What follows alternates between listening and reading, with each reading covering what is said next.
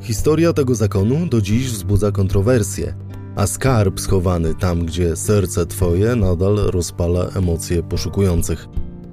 Przez blisko 200 lat średniowiecza czerwony krzyż na piersi był przedmiotem dumy i chyba największego prestiżu wśród zakonów rycerskich. Dlaczego w końcu jednego dnia roku 1307 stał się znacznikiem wyklętych, torturowanych i mordowanych przez francuskiego króla rycerzy zakonników? Kim byli bracia wyprzedzający o całe wieki swoją epokę? Jak to się stało, że znaleźli się na polskich ziemiach i czy faktycznie walczyli po naszej stronie w jednej z najważniejszych bitew średniowiecznej Polski? W dzisiejszym odcinku przybliżymy kilka tajemnic templariuszy. A naszym gościem będzie dr Tomasz Borowski z Muzeum Historii Polski. Ja nazywam się Cezary Korycki i zapraszam na prześwietlenie inne historie Polski. Część pierwsza. Uboga rycerska korporacja. Otrzymali takoż olbrzymie dobra tu i za morzem, a z uzyskanych dochodów przekazują co roku na obronę Ziemi Świętej pewną sumę na ręce wielkiego mistrza. Templariusze nie posiadali żadnych sił wojskowych w Europie, za wyjątkiem Półwyspu Iberyjskiego. Przysięgali bowiem nigdy nie walczyć z chrześcijanami. Zakon bowiem różnił się od innych klasztornych ośrodków w punkcie zasadniczym. Obdarzony doczesną misją, ochroną Ziemi Świętej, potrzebował funduszy i komandorie na zachodzie miały na celu je dostarczyć. Tak o zakonie templariuszy pisał XIII-wieczny duchowny Jacques de Vitry. Dzisiaj przenosimy się w czasy średniowiecza i z tego powodu pewnie ucieszą się wszyscy fani tej epoki. Naszym gościem będzie dr Tomasz Borowski, specjalista od spraw średniowiecza z Muzeum Historii Polski. O tym okresie nie możemy zapominać, bo jest bardzo ciekawy i dzisiejszy temat również będzie bardzo ciekawy i intrygujący. Będziemy rozmawiali o mało znanych sprawach związanych z zakonem rycerskim, który, jak się okazuje, funkcjonował też na naszych ziemiach i bynajmniej nie był to najbardziej znany zakon, ten z czarnymi znakami na płaszczach. Nasi dzisiejsi bohaterowie mieli ten krzyż czerwony, namalowany na piersi. Mówili w językach nie germańskich, ale romańskich. Zacznijmy więc od początku. Panie doktorze, skąd wziął się zakon ubogich rycerzy Chrystusa i świątyni Salomona? Zakon templariuszy, tak powszechnie, e, powszechnie skojarzona ta nazwa, e, zrodził się e, z europejskiego ruchu krucjatowego, przy czym powstał już po pierwszej wyprawie krzyżowej, więc w czasach tak jakby pierwszej wyprawy krzyżowej, kiedy powstawało Królestwo Jerozolimskie, templariuszy jeszcze nie było.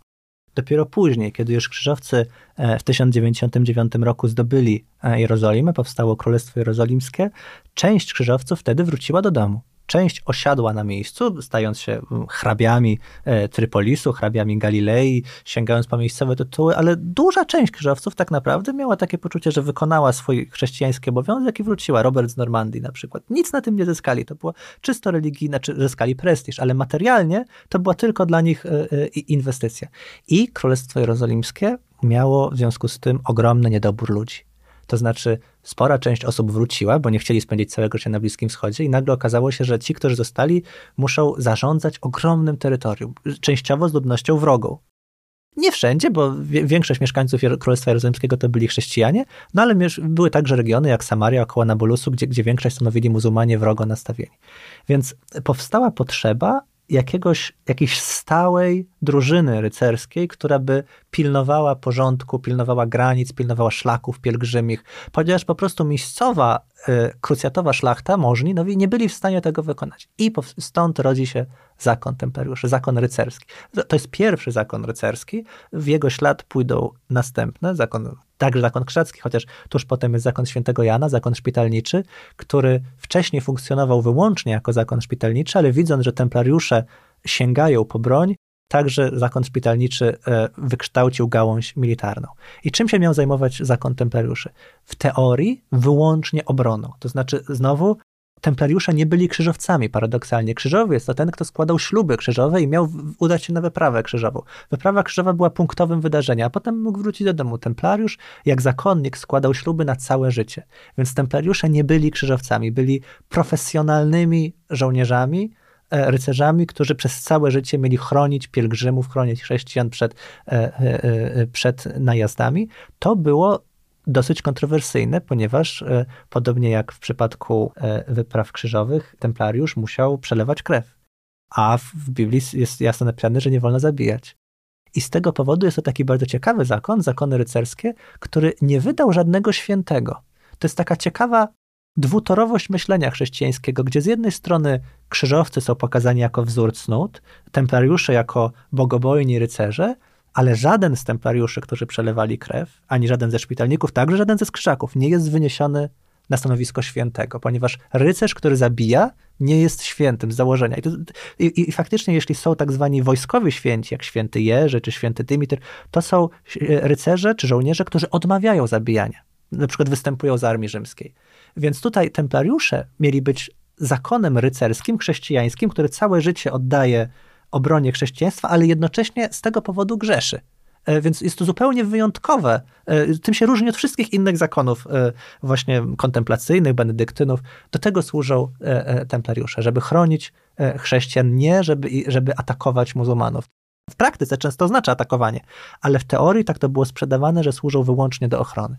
Taki jest początek, początek zakonu templariuszy po prostu Królestwo Jerozolimskie nie miało dość ludzi i potrzebna była stała, profesjonalna ekipa do utrzymywania granic i szlaków bezpiecznych i do tego służyli templariusze. Y, którzy w pewnym momencie w tej Ziemi Świętej nie mają czego bronić, bo Europejczycy są z tej Ziemi Świętej wygnani i co się dzieje z templariuszami? Wpadają w ogromny kryzys. Zresztą cały ruch krucjatowy, którego częścią jest zakon templariuszy po upadku Królestwa Jerozolimskiego jest, jest w ogromnym kryzysie i e, templariusze, podobnie jak inni, inne zakony rycerskie, są poddani gigantycznej krytyce.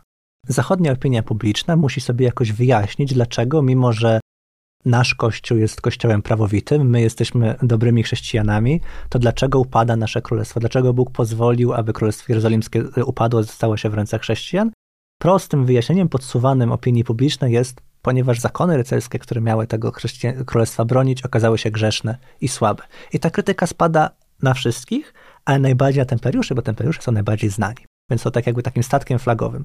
I zakony rycerskie przeczuwają, że robi się dla nich niebezpiecznie i szukają sobie miejsca, e, szukają sobie bezpiecznego miejsca. Krzyżacy uciekają do Prus. To znaczy właśnie wtedy, na początku XIV wieku, w tym kryzysowym momencie, mistrz krzyżacki przenosi się do Malborka, do siebie po prostu, w takim sensie, że tu nikt mu nie może nic zrobić, ponieważ on dowodzi. Szpitalnicy, zakon świętego Jana, o którym mówiłem wcześniej, przenosi się na Rodos, zdobywa na Grekach, także na innych chrześcijanach, więc jest to jako, w jakimś sensie zaprzeczenie idei krucjatowej, ale czują, że muszą uzyskać samodzielność. Templariusze w jakimś sensie są ofiarami swojej własnej naiwności. Mi tak to powiedzieć, bo, bo ja czuję do nich ogromną sympatię, ale, ale w tym jest trochę prawdy, ponieważ oni naprawdę wszystkie swoje wysiłki, które mieli, starali się włożyć w odzyskanie Ziemi Świętej. W czasach, kiedy rycerze świętego Jana e, walczyli na Rodos, e, szukali sobie bezpiecznego miejsca krzyżacy Tempary, templariusze utrzymywali wszystkie swoje wojska na Cyprze i starali się utrzymać taki port w dzisiejszej Syrii, zresztą tam jest zachowana katedra e, i zamek templariuszy Tartus. Oni tam robili najazdy, jeszcze już po upadku Królestwa Rzymskiego, jeszcze tam taki ostatni bastion starali się utrzymać. Robili co mogli, mieli to, że to jest ich praca, mieli za zadanie. I chociaż nie mieli żadnych szans, było ich za mało, starali się utrzymywać Ziemi Świętej. I w jakimś sensie nie zabezpieczyli się z tego powodu, przeciwko, przeciwko takiej agresji ze strony. No, nie, nie, nie, mieściło im się w głowie, że, że Europa może skierować swój gniew tak mocno przeciwko nim, e, co wykorzystali świeccy możni, którzy zobaczyli w ogromnych posiadłościach templariuszy, zresztą y, rycerze świętego Jana też mieli ogromne posiadłości, y, no jako mm, dobry, y, łakomy kąsek na łup głównie chodzi także o transakcje, bez, transakcje finansowe, ale w dużej mierze chodziło po prostu o ziemię. Przez 200 lat funkcjonowania zakonu templariusze zebrali mnóstwo ziemi, e, które, których dochody służyły do utrzymywania wojska, wojska w Ziemi Świętej. Więc świeccy, zwłaszcza królowie Francji, ale tak naprawdę wszędzie poza Hiszpanią, świeccy królowie, świeccy monarchowie widzą szansę e, na, na pozbawienie zakonu jego wpływów. I teraz jak to sprzedać chrześcijańskiej opinii publicznej? Tak jakby powiedzieć, dlaczego atakujemy templariuszy? To było dwu, dwuczłonowo. Po pierwsze, templariusze byli grzeszni i tak naprawdę po prostu wypalamy białym żelazem bałwochwalców, ludzi y, czczących te zapiski z, z procesu templariuszy są pełne absurdalnych zarzutów. To znaczy obok takich typowych, że zarzuca się im sodomię, homoseksualizm po prostu, ale także czczenie szatana, jakieś tajemne rytuały, rzeczy kompletnie wymyślone jakieś fantasmagorie, no ale po to, żeby, żeby się sprzedało. A ludziom religijnym, takim, którzy są wystarczająco wykształceni i widzą, że to jest nieprawda, była sprzedawana inna teoria. Królestwo Jerozolimskie upadło, ponieważ zakony rycerskie ze sobą rywalizowały. Święty, rycerze świętego Jana rywalizowali z templariuszami i tak dalej, i tak. Jeżeli zlikwidujemy templariuszy i wszystkie ich ziemie przekażemy rycerzom świętego Jana, to dokonamy tak naprawdę połączenia tych dwóch zakonów i to będzie bardzo dobre dla ruchu krucjatowego. Więc każdy dostawał jakąś narrację. Ci tacy bardziej osoby bogobojne, może mniej wykształcone, y, dostawały w teorię, że to są bałwochwalcy czczący szatana, a osoby zaangażowane, papież czy, czy tam biskupowie, biskupi, którzy, którzy szczerze chcieli, y, żeby ruch krucjatowy trwał, dostawali taką opowieść, słuchajcie, będzie dobrze, zjednoczymy dwa zakony rycerskie, e, będzie lepiej. I, I, templariusze, którzy byli e, najsłabiej wykształconym zakonem, tam było najmniej wykształconych osób, po prostu się nie spodziewali tego, że, że takie coś może dojść i się nie zabezpieczyli przeciwko temu, byli najłatwiejszą ofiarą, bo jako jedyni nie uciekli do swoich terytoriów. Do zakonu templariuszy i ich smutnego końca wrócimy jeszcze na końcu naszego dzisiejszego spotkania i do tej przede wszystkim zbudowanej czarnej legendy. Natomiast teraz jeszcze chciałbym zapytać o tym, co legendą nie było, czyli o tym, że owi ubogi rycerze Chrystusa tak naprawdę stali się w pewnym momencie prawdziwą protokorporacją. Zajmowali się czymś, co można by było nazwać dzisiaj przelewami y, bezgotówkowymi, jakąś ideą kart płatniczych, jakkolwiek dziwnie by to brzmiało, jeśli chodzi o średniowiecze. Po prostu byli doskonale zorganizowani i dysponowali w pewnym momencie ogromnym majątkiem. Tak. Związek zakonów rycerskich z finansjerą, z bankowością, z pożyczkami, właściwie od początku e, działania tych zakonów taki aspekt ich działalności był istotny, miało to wymiar czysto praktyczny. To znaczy, ludzie często powierzali im pieniądze po to, żeby oni zorganizowali wyprawę krzyżową. Człowiek, trochę tak jak my e, w dzisiejszych czasach, korzystamy z pomocy biura podróży. Ponieważ oni mieli ludzi na miejscu, to często dawało się im pieniądze i mówiło: OK, jak chcecie się wybrać do Ziemi Świętej, zorganizujcie to. Częścią tej organizacji było to, boję się, że jak pojadę do Ziemi Świętej, to sąsiad zabierze mój majątek lub boję się, co będzie, jeśli na tej wyprawie krzyżowej umrę. Co wtedy, czy kto, by, kto wypełni mój, mój testament. I tymi rzeczami zajmowali się templariusze, podobnie jak rycerze świętego Jana, w wyniku czego bardzo szybko zaczęli obracać ogromnymi kwotami pieniędzy, ponieważ za te usługi brali pieniądze. Znaczy, jeżeli chcesz, żebyśmy ci pomogli w organizowaniu swojej, twojej wyprawy krzyżowej, jeżeli chcesz nocować w naszych zamkach, żebyśmy wyżywili twoich ludzi, no to musisz mi zapłacić. I także część z tych pieniędzy szła na pożywienie, a część jako dochód samego zakonu, zakonu e, rycerskiego. Więc to się zaczęło z przyczyn czysto pragmatycznych, po prostu zakon musiał się tym e, zajmować, a ponieważ nie było dziedziczenia z ojca na syna, wszystko musiało być dokładnie zapisane. Podobnie jak w przypadku zakonu krzeckiego, ponieważ urzędnik się zmieniał, mógł się podać do dymisji, mógł zginąć w każdej chwili, a biurokracja musiała się trzymać, więc zakony rycerskie, templariusze, ale także krzyżacy czy rycerze świętego Jana tworzą niebotyczną ilość biurokracji, ponieważ to się nie trzyma w rodzinie. W związku z tym, siłą rzeczy, to ma ogromny wpływ na rozwój e, weksli, płacenia wekslami, czegoś, czego e, bankowość e, świecka nie musiała korzystać z weksli w tym czasie, natomiast oni już musieli, przez to, że to wszystko było dużo bardziej sformalizowane. I potem nastąpiła pokusa zysku. To znaczy, najpierw to były pieniądze wyłącznie do zagwarantowania wyprawy krzyżowej czy zabezpieczenia, a później na tym można było zwyczajnie zarobić. I rycerze mówili: Słuchajcie, to jest dobre, jeśli na jakimś obrocie finansowym zarobiliśmy x dukatów, to możemy wykorzystać te x dukatów na budowę nowych zamków w Ziemi Świętej.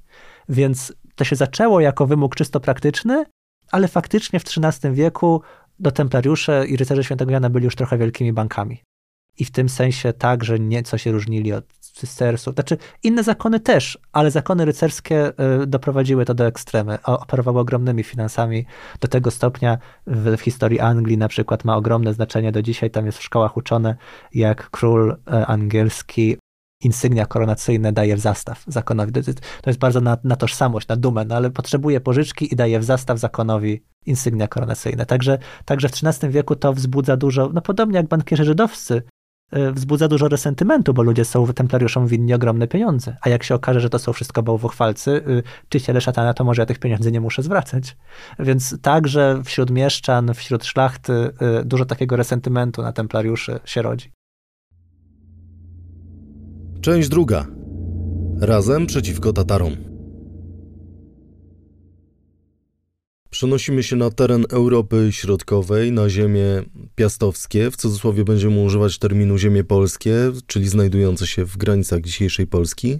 W międzyczasie będziemy doprecyzowywać pod czyją jurysdykcją dane księstwo było. Tak czy inaczej, fakt sprowadzenia templariuszy na nasze ziemię jest owiany podobną mgiełką tajemnicy jak okoliczności pojawiania się tutaj krzyżaków. W jednym z poprzednich odcinków innych historii Polski, w których gościłem profesora Michała Kopczyńskiego, także wyjaśnialiśmy pewnego rodzaju niuanse, niejasności, fałszerstwa i zawiłości związane z datą przybycia na nasze tereny krzyżaków. Podobnie jest z templariuszami. Panie doktorze, jaka data, jakie miejsce i co na pewno wiemy o pierwszej wizycie templariuszy u nas? Trudno wskazać konkretny rok, w którym templariusze zostali sprowadzeni e, do Polski. Wynika to z serii czynników. Jednym z nich jest to, że e, archiwa templariuszy się nie zachowały. W przypadku zakonu krzeckiego i zakonu szpitalniczego archiwa się zachowały. Y, krzyżacy to teraz te archiwa po prostu najpierw były w Prusach, a potem są przeniesione z Królewca do Berlina. W przypadku szpitalników one są e, w rękach, w rękach kościoła, częściowo w Rzymie, częściowo w Malcie, ze względu na to, że zakon templariuszy został zniszczony. E, jego, jego archiwa się nie zachowały. W związku z czym mamy mniej dokumentów i trudno wskazać datę dzienną. Wiemy natomiast na pewno, że w, e, trzecim, w trzeciej dekadzie XIII wieku, czyli około 1200, w latach 1230 coś. Mamy pierwsze potwierdzone fundacje e, zakonu temperiuszy w Polsce. One są robione przez trzech, przez trzech książąt, z czego dwójka z nich to książęta piastowscy, Henryk Brodaty, książę śląski, Władysław Odonic, książę wielkopolski oraz Barmin, e, książę pomorski. Trudno o księżatach pomorskich mówić jako o księżatach polskich. Oni być może byli z piastami spowinowaceni. W każdym razie są to współczesne terytoria Polski. W takim sensie można uznać. Krótko mówiąc, wtedy pojawiają się e, templariusze w ziemiach Polski na pewno. Być może byli już wcześniej. Istnieje taka teoria, legenda, jakoby kolegiata, zachowana do dzisiaj, duża romańska kolegiata w Opatowie, zbudowana z inicjatywy Henryka Sandomierskiego, polskiego krzyżowca, 100 lat wcześniej, w XII wieku. Wiadomo, że Henryk Sandomierski był w Ziemi Świętej. Henryk Sandomierski sprowadził do Polski także e, inne zakony rycerskie, zakon rycerzy świętego Jana oraz był zaangażowany w promowanie e, bożogrobców, więc istnieje teoria, że on także wspierał temperiuszy. Ale to jest późny zapis, długoszowy, z XV wieku, więc, więc nie jesteśmy tego pewni. Pewni jesteśmy tego, że w XIII wieku dochodzi do pierwszych fundacji, właśnie nie wiemy czy pierwszych, ale do pierwszych potwierdzonych fundacji templariuszy e, w ziemiach polskich na Śląsku, w Wielkopolsce oraz na Pomorzu, czyli tak jakby w zachodniej, w zachodniej współczesnej, zachodniej współczesnej Polsce. I to są fundacje z mniejszym rozmachem niż Zakon Krzyżacki. Zakon Krzyżacki otrzymał całe, całą ziemię chełmińską, którą musiał, pod, którą musiał częściowo odbić. Y, musiał aktywnie walczyć z y, poganami. Natomiast temperusze mieli zadanie odrobinę inne. Z reguły chodziło o ugruntowanie kontroli nad danym terytorium. Dostawali tereny pograniczne, takie, które były często, mogły być przedmiotem najazdu, ich status był niejasny. I wtedy książę, żeby umocnić swoją granicę, dawał je zakonowi rycerskiemu, ponieważ ziem zakonu rycerskiego raczej się nie atakowało. To znaczy, to były ziemie kościelne, także z własną ekipą rycerską, więc pogranicze Pomorza, Śląska i Wielkopolski to są te miejsca, gdzie książęta umieszczają templariuszy, żeby umocnić te granice, żeby one były trwalsze, żeby, żeby ukrócić tam najazdy, miejscową bandyterię. Natomiast one nie mają zadania wielkiej walki z poganami, nie mają zadania niczego podbić. Dlatego one mają dużo niższy profil, no i odgrywają mniejszą rolę w historii Polski.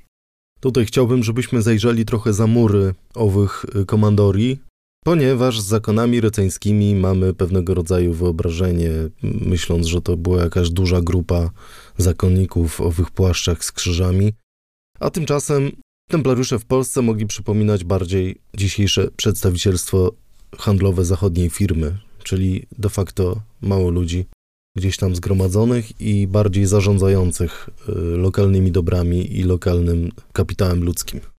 Trochę tak, chociaż mi na myśl bardziej przyszedłby zwyczajny klasztor. To znaczy, to prawda, że rycerzy, taki, gdzie można sobie, wyobrażamy sobie templariusz tak jak, tak jak krzyż na piersi, kolczuga, miecz, takich, takich rycerzy prawie w tych miejscach nie było, a jeśli pojawiali się, to jako goście lub jako jakiś strój paradny na spotkanie.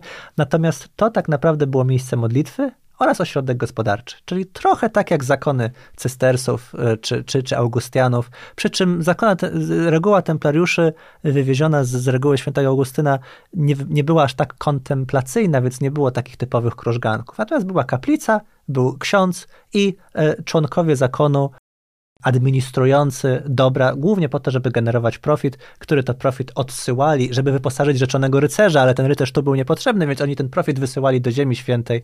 Były takie wytyczne, ilu e, zbrojnych ma wystawić dany region i, i to były małe wytyczne. Znaczy region z kilkoma komandoriami wystawiał jednego, dwóch rycerzy to te komandorie, zwłaszcza tutaj w Europie Środkowej, nie były przesadnie bogate, więc żeby stać było na, na, na kolczugę, na konia, na giermków, no bo rycerz to jest tak naprawdę cały orszak, to oni finansowali takiego rycerza, ale on miał walczyć w Ziemi Świętej, bo templariusze właśnie inaczej niż krzyżacy czy szpitalnicy nigdy nie zaangażowali się w ruch krucjatowy w innym obszarze niż Ziemia Święta. Nie brali udziału w walkach przeciwko Katarom w południowej Francji, nie brali udziału w walkach przeciwko Prusom. Ilekroć ktoś ich starał się w to wciągnąć, odpowiadali, że nie, dla nich najważniejsza jest Ziemia Święta.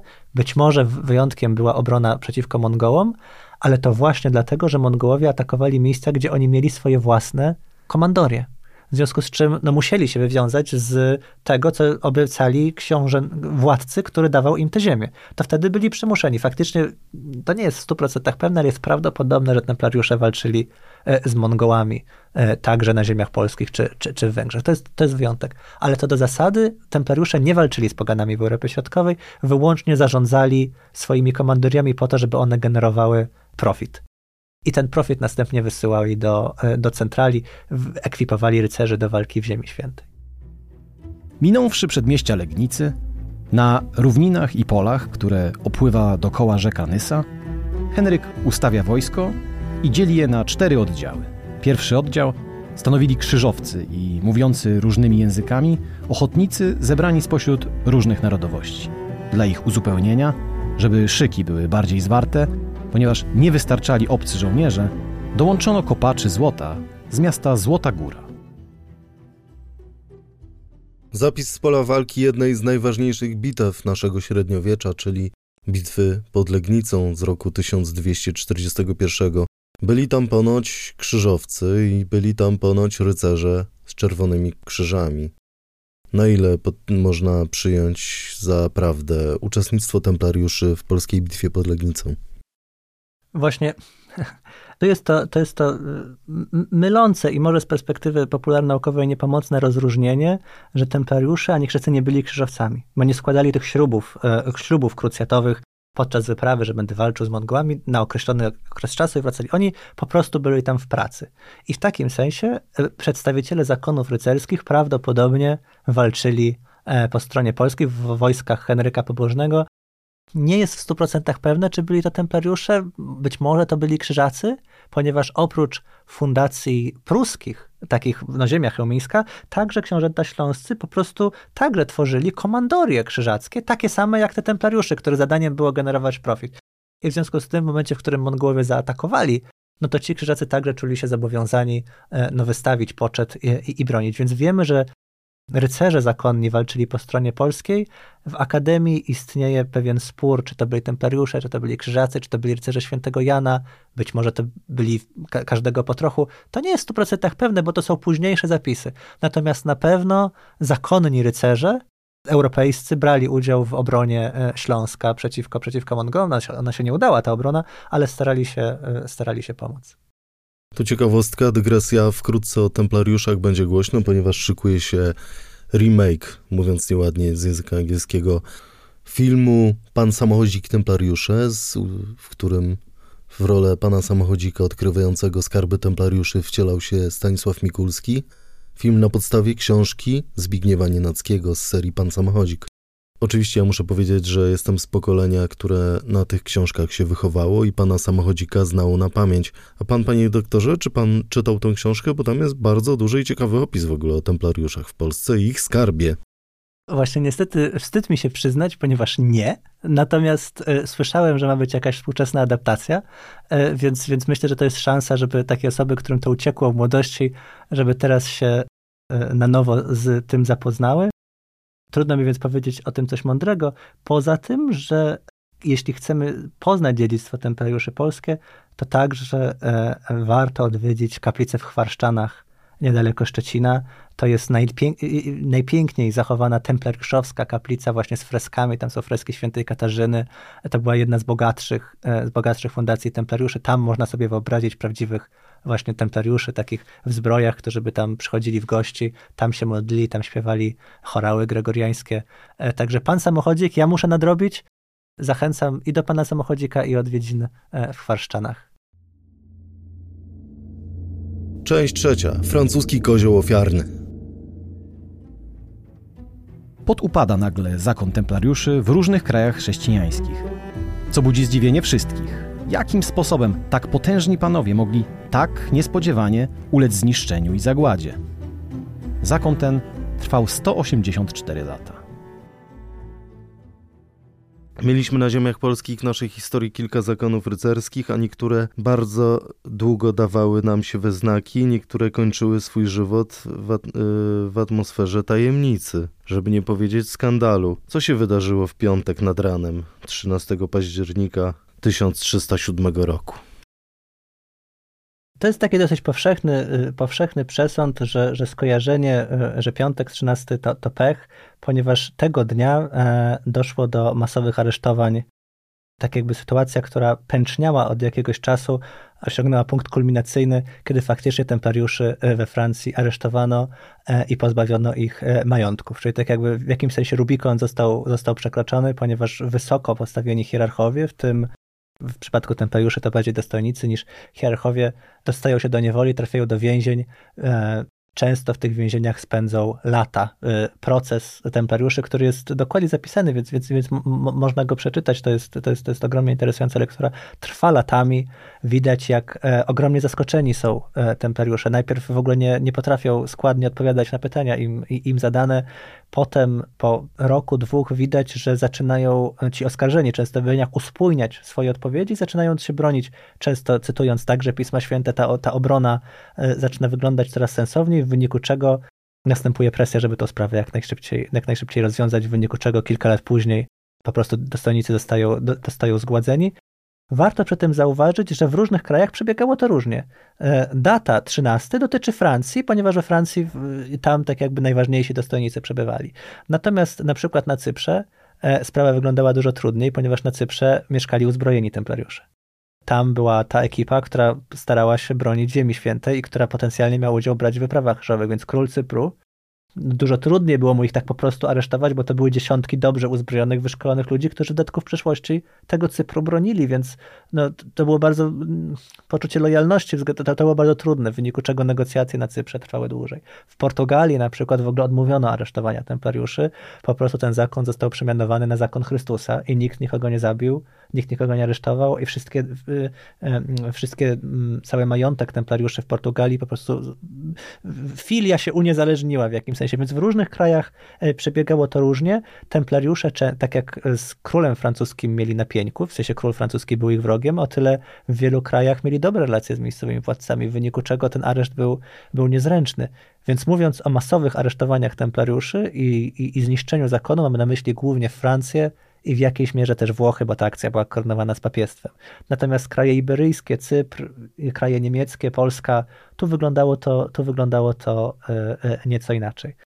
Natomiast tak, tego dnia templariusze w jakimś sensie zostali zdradzeni przez swój kościół, przez, przez, przez, przez swoich beneficjentów, oskarżeni o absolutnie niedorzeczne, niedorzeczne zbrodnie i setki, jeśli nie tysiące ludzi E, stało pomordowanych e, w więzieniach. To jest taki masowy pogrom europejski, bardzo e, no, czarna karta. Powiedzenie mówi, że o tym, że jeżeli nie wiadomo o co chodzi, to chodzi o pieniądze. Jakie jest racjonalne wytłumaczenie działań króla Filipa Pięknego w odniesieniu do zakonu?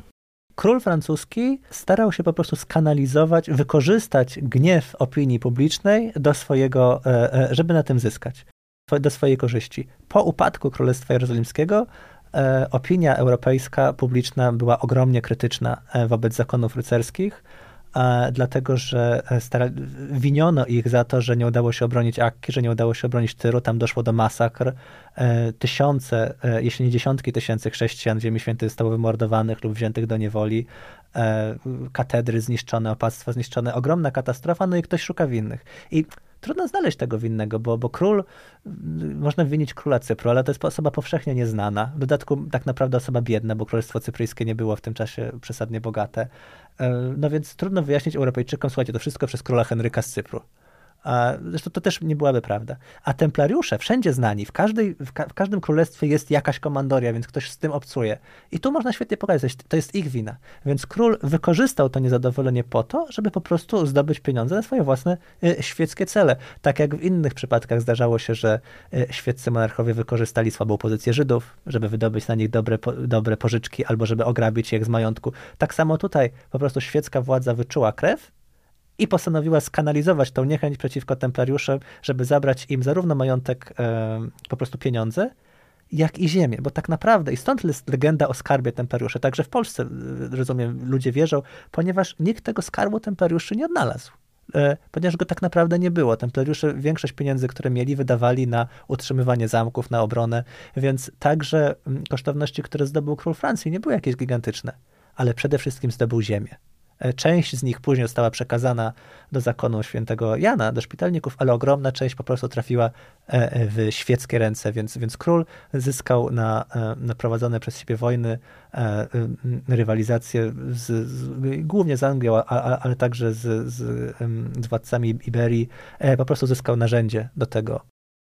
I w jakimś sensie prestiż, ponieważ w dzisiejszych czasach e, to jest uważane za kontrowersyjne, ale wtedy on mógł się przedstawić jako osoba oczyszczająca chrześcijaństwo e, z bałwochwalczego zakonu, który odpowiada za te wszystkie katastrofy. On się przedstawiał, że to jest e, Boża robota, więc PR-owo i finansowo na tym zyskiwał. To jest w jakimś sensie racjonalne z jego punktu widzenia. Stawał się dzięki temu popularny i dostawał ogromny zastrzyk nieruchomości i, i, i finansowy, ale głównie nieruchomości. Natomiast zbudowana została czarna legenda, która trwała przez wieki. O co zasadniczo oskarżano wielkiego mistrza Jakuba de Molay i jego zakonników?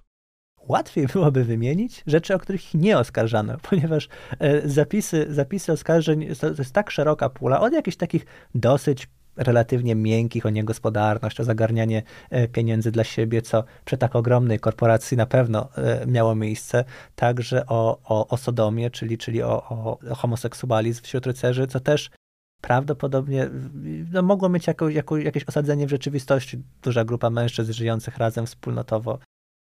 Myślę, że i, i wśród templariuszy, i wśród innych zakonów to się zdarzało. Natomiast były tam także oskarżenia absolutnie absurdalne, ponieważ na przykład wierzono, że e, oni się połają po prostu czarną magią. I że na przykład rozmawiają z głową szatana i zadają mu pytania, i ta głowa, e, taka demoniczna, odpowiada. To jest. Nawiązanie y, do takich starych obaw y, w kulturze chrześcijańskiej, także kiedyś y, papieża Sylwestra, kiedy później po jego śmierci zaczęła krążyć taka legenda, że on był czarownikiem, to mm, dowodem na tą jego czarną magię było, było powieści, jakoby miał w głowie złotą, odlaną ze złota głowa, która odpowiadała mu, czyli tak jakby szukał odpowiedzi na najważniejsze pytania nie u Pana Boga, tylko u jakichś innych źródeł, więc o to samo oskarżano templariuszy jest pewna interpretacja, że być może chodziło o głowę e, świętej Eufemii, ponieważ e, faktycznie jedną z najważniejszych relikwii w posiadaniu zakonu e, była głowa świętej Eufemii, która była na ołtarzu i, i być może podczas ceremonii zaprzysiężenia, ona była, ona, była, ona była wystawiana. Te ceremonie były, y, publika nie miała do nich dostępu, więc rozbudzało wyobraźnię, co tam się dzieje w tym bogatym, dużym kościele, gdzie nikt nie może wejść, wiemy, że mają jakąś złotą głowę. Więc były także oskarżenia o czary po prostu, o, o, o, o bałwochwalstwo. Y, one z reguły nie miały, one z reguły nie miały sensu, Natomiast, znaczy, nie miały prawa być, być prawdopodobne, jak na przykład właśnie ten, ten, ten, ten przykład, przykład głowy. Do tego twierdzono, że likwidując templariuszy pomaga się kwestii krucjatowej, ponieważ następuje zjednoczenie. Wierzono, że rywalizacja templariuszy z rycerzami świętego Jana II, potężnym zakonem, jest jednym z powodów upadku Królestwa Jerozolimskiego. Więc myślano, jeżeli zlikwidujemy templariuszy, tych bardziej grzesznych, przekażemy wszystkie ich zasoby szpitalnikom, to to będzie jednoczące i da nam, da nam większą siłę. Warto jeszcze uzupełnić, że pewnego rodzaju elementem krucjaty przeciwko templariuszom było kreowanie pewnego rodzaju skandalu obyczajowego związanego z ich procederem, który jakoby miał się odbywać za murami zamków. Może warto także dodać, że częstym e, zarzutem o którym możemy przeczytać w aktach procesu templariuszy, był zarzut o wykorzystywanie seksualne młodych, młodych kleryków oraz młodych członków zakonu.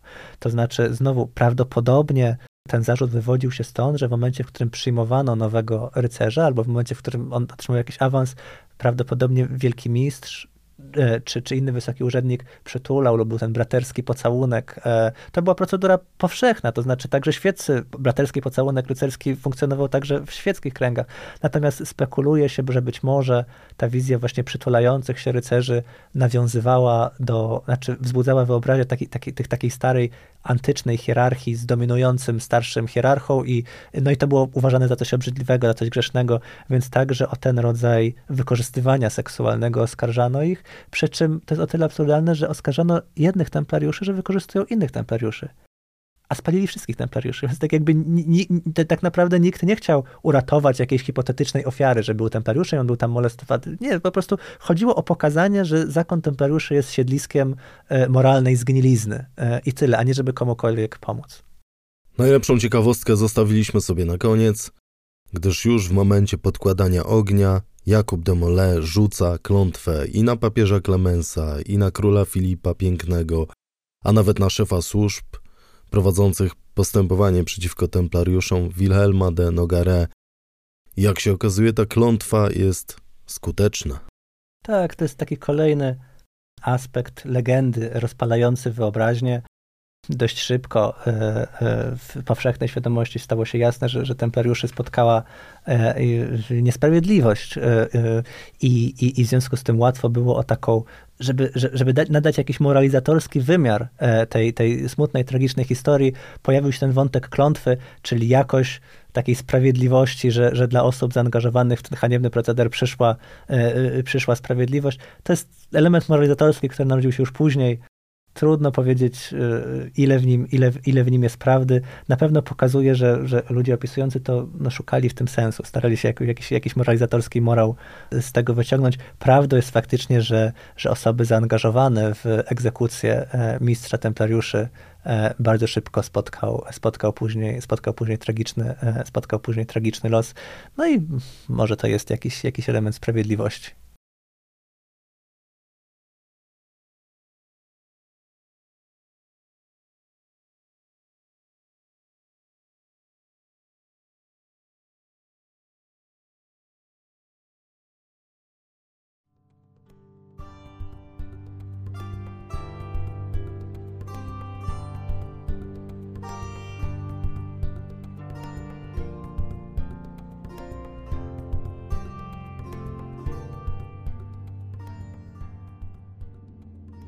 Prześwietlenie. Inne historie Polski. Podcast Muzeum Historii Polski. Podcastów 1000 lat prześwietlenie wysłuchasz na YouTube, Spotify, Google Podcast, w audiotece, a także na innych platformach podcastowych. Chcesz być na bieżąco? Subskrybuj kanał Muzeum Historii Polski.